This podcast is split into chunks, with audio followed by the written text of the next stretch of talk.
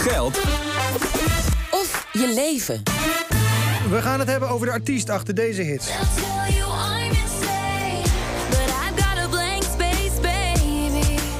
And I'll write your name.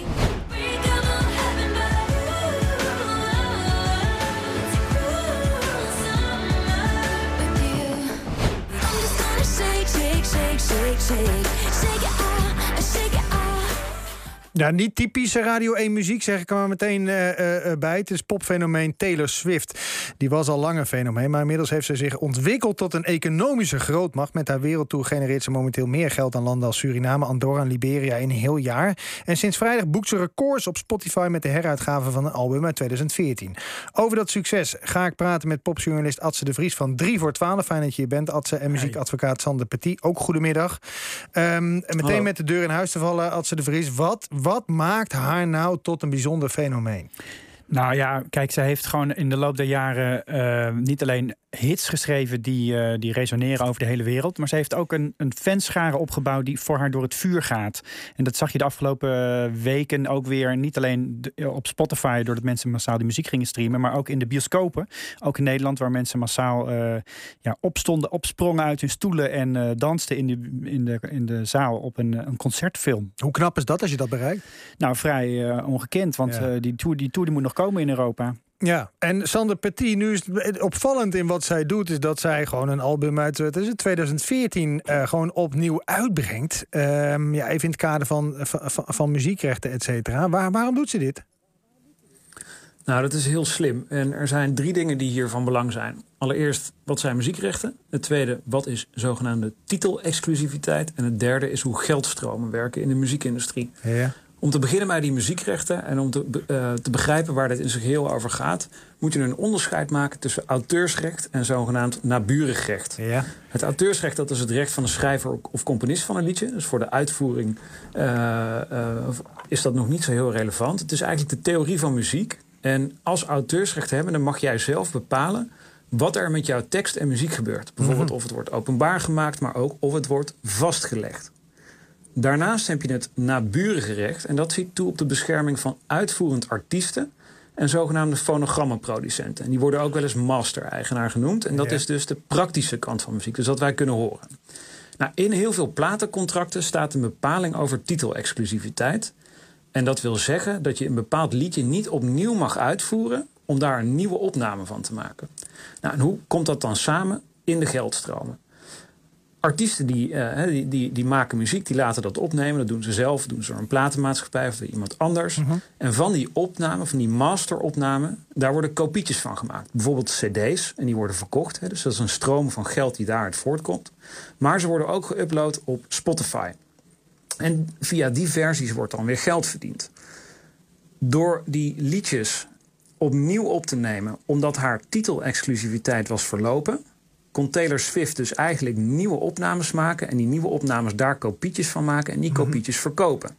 Nou, al haar fans die vonden natuurlijk dat de oude masters die toen Ja. in bezit waren van een partij die zij helemaal niet aardig vond, dat die niet meer gedraaid moesten worden. Dus die zijn massaal die nieuwe versies van haar gaan streamen en zo begon die geldmachine op een gegeven moment te lopen.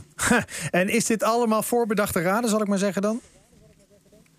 Nou, voorbedachte raden vind ik eh, ehm, eh, misschien dat nog net niet. Maar het laat wel zien dat Taylor heel erg bewust is van haar rechten. En zij heeft daardoor slimmere deals kunnen maken. Slimmere deals zorgen doorgaans voor minder risico en meer geld. Ja, ja, ja, ja. Minder risico en meer geld leidt tot meer vrijheid. Meer vrijheid tot meer creativiteit. En zo maak je meer, meer, meer en betere werken. En zo Dus dat je- heeft ze heel goed eh, bedacht. Ja, zo word je dus miljardair, had ze de Vries.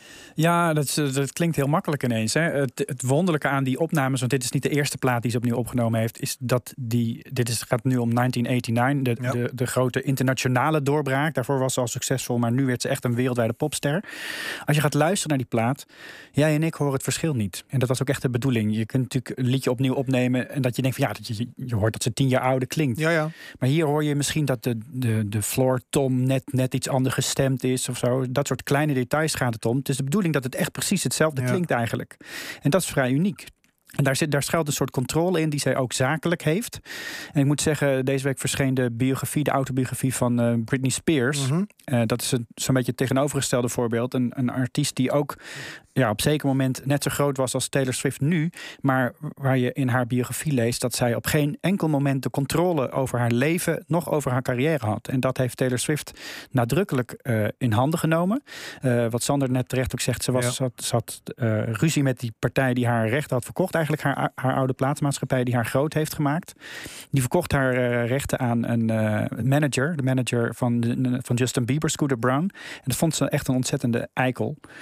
Dat ze echt eh, de laatste persoon aan wie ze haar rechten wilde verkopen. En toen heeft ze deze, ja, dat is eigenlijk een soort klassieke manier waarop je in de eh, muziekindustrie genaaid kunt worden, genaaid kunt voelen. Ja. En zij heeft gedacht, ik ga gewoon iets ongekends doen. Ik grijp de macht totaal terug. Ik vond het een onzalig plan toen ik dat hoorde, maar het, het werkt dus fabuleus goed. is gewoon heel slim. Dus een hele slimme artiest. Wat ik, wat ik fascinerend vond, is, is dat bijvoorbeeld. En dat, dus, dat, dan zie je dus dat haar merk en haar business wereldwijd eh, doorvloeien. Er is een bank in, in Singapore. Daar kan je een creditcard aanvragen. En als je die creditcard gebruikt, maak je kans op om, om bij een concert van Taylor Swift te zijn. Die aanvragen daar stegen met 89 procent. Dat kan ik me voorstellen. Dat is toch. En, en, en nog een voorbeeld. Ze heeft dus. De, er zijn rollers dat ze een relatie heeft met een Amerikaanse voetbalplayer, Travis Kelce. Eh, de kaartverkoop schiet daar de lucht in. TV-stations die die wedstrijden uitzenden. kunnen veel meer cash als het gaat om, eh, om, als het gaat om de adverteerders. Kortom, dat is toch, dat is toch bizar wat hier Ja, gebeurt. je ziet ook dat elk muziekmedium over de kleinste knipoog die Taylor Swift op de tribune van dat voetbalstadion Ja. geeft, publiceren. Dus iedereen profiteert daar een beetje van. Er wordt heel veel klik, clickbait over haar gemaakt. En ja, zij kiest er heel nadrukkelijk voor om zelf ook het onderste uit de kant te halen. Hè. Een bioscoopkaartje kost 20, dollar, 20 euro.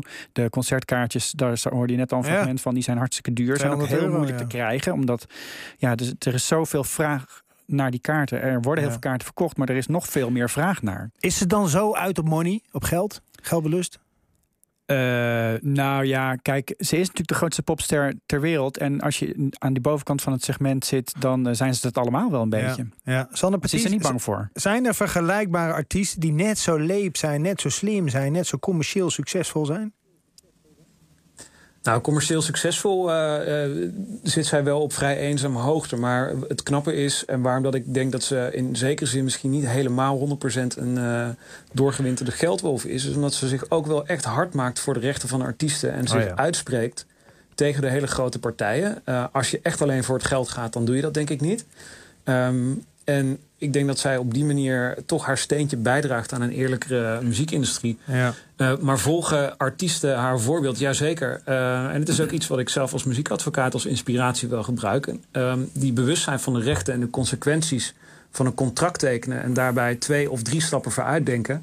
Ja, het is niet uh, voor het eerst dat ik naar de Taylor Swift-zaak verwijs... in een onderhandeling als ik het heb over uh, controle over rechten... of het beperken van bepaalde tijdsduren. Ja, ja, maar tot slot, Adse de Vries, kan je controle hebben... als je dus zo, wat we net beschrijven, zo'n wereldwijd merk bent eigenlijk?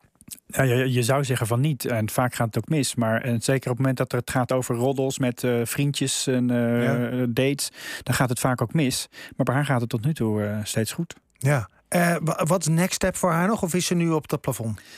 Nou ja, ze brengt natuurlijk ook nog steeds gewoon nieuwe muziek uit. Ik dacht van ja, uh, ga je al je oude muziek uitbrengen, heb je dan nog wel tijd voor nieuwe. Maar daar heeft ze schijnbaar wel tijd ja. voor. Dus uh, ik ben benieuwd waar het verder heen gaat. Hoor hier ook goede muziek op komen? Dat betekent geloof ik dat wij uh, aan het eind zitten van, van, van dit programma van Geld te Verleven. Gaan jullie beiden volgend jaar, volgend jaar naar haar concert trouwens? Adse denkt wel toch? Ik heb geen kaarten. Je hebt geen kaarten? Nee.